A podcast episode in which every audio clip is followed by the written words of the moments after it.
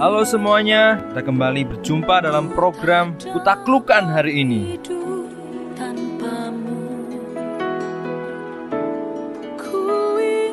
Ketika Tuhan mengajar kita untuk berdoa, berikan kami pada hari ini roti kami.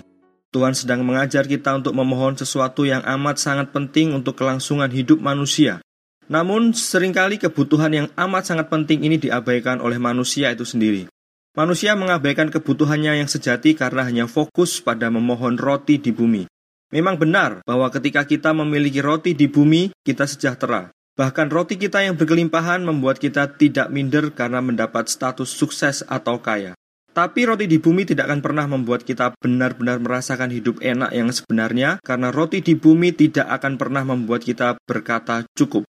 Kita tidak pernah berkata cukup karena kebutuhan real untuk eksistensi kita belum terpenuhi. Kebutuhan sejati yang paling kita butuhkan belum tercukupkan. Apakah kebutuhan sejati manusia? Ya, kebutuhan rohani. Renungan singkat ini bukan makanan untuk roh saudara. Siapa yang mampu mengambil roti di sorga lalu membagi-bagikannya kepada saudara? Saya tidak bisa keluar masuk sorga.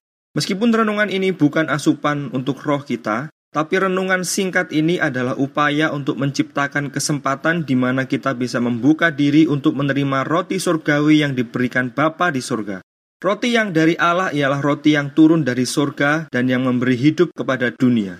Tuhan Yesus berkata, Akulah roti hidup. Barang siapa datang kepadaku, ia tidak akan lapar lagi. Dan barang siapa percaya kepadaku, ia tidak akan haus lagi. Ku perlu